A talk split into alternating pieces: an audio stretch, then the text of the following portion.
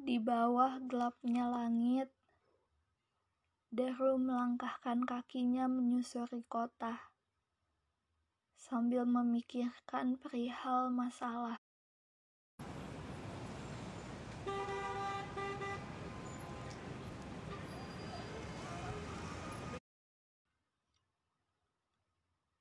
Rintik hujan mulai turun ke tanah, menyelinap di dalam gelap dan ramainya kota. Kota yang menjadi saksi bertumbuhnya seorang gadis sederhana bernama Deru.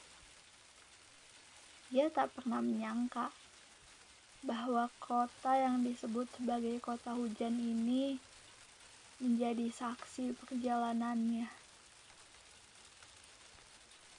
Daru melangkahkan kakinya menuju sebuah kedai kopi untuk berteduh, sambil menikmati secangkir kopi hitam. Ya, dia seorang gadis yang menyukai kopi hitam. Tak paham rasanya akan sepahit apa, tapi dia tetap bisa menikmati rasanya itu. Di belakang kursi yang ia tempati, ada seorang lelaki muda yang selama ini menjadi saksi ketika ia punya masalah. Tak sesering mungkin ia bertemu dengan orang itu. Hanya dua kali di rumah pohon. Baska namanya. Sedari tadi Baska melihat gerak-gerik Daru. Ia tak menyangka bahwa gadis sederhana itu benar-benar meminum kopi hitam yang dipesan setelah sampai ke kedai kopi.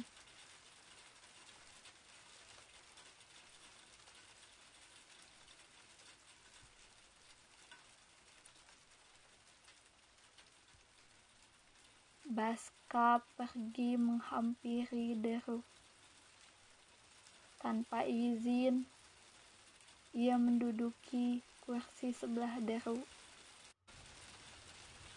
Gadis yang aneh, ucap Baska dengan menatap Daru yang sedang menikmati kopi hitamnya. Kamu? Ternyata benar kalau kamu suka kopi hitam. Buat apa aku bohong? Benar-benar beda dari gadis yang lain.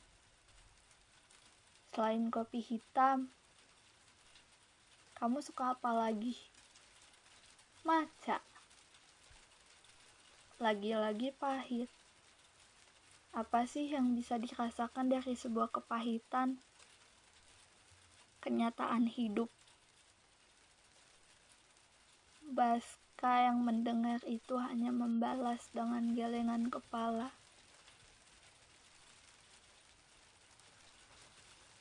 Baskah, sudah menemukan tujuan hidupmu? Belum, tapi aku akan tetap mencarinya. Jawaban yang sangat tepat. Bagaimana denganmu? Sudah menikmati masalahmu sendiri? Sedang aku coba. Baguslah kalau begitu.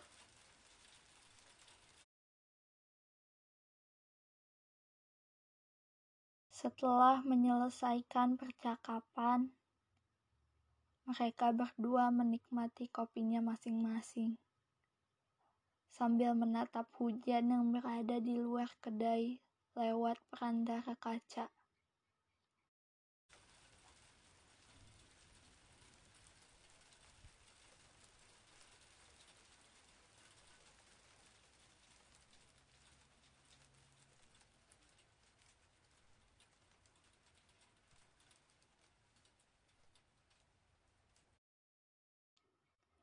Lagi-lagi mereka bertemu. Tak ada janji sama sekali. Ini pertemuan yang tidak sengaja. Yang namanya takdir, tidak ada yang tahu. Hujan reda memisahkan mereka berdua. Mereka pergi ke rumah yang benar-benar bukan rumah. Tidak membuat nyaman sama sekali. Hanya sebuah bangunan sebagai tempat berteduh.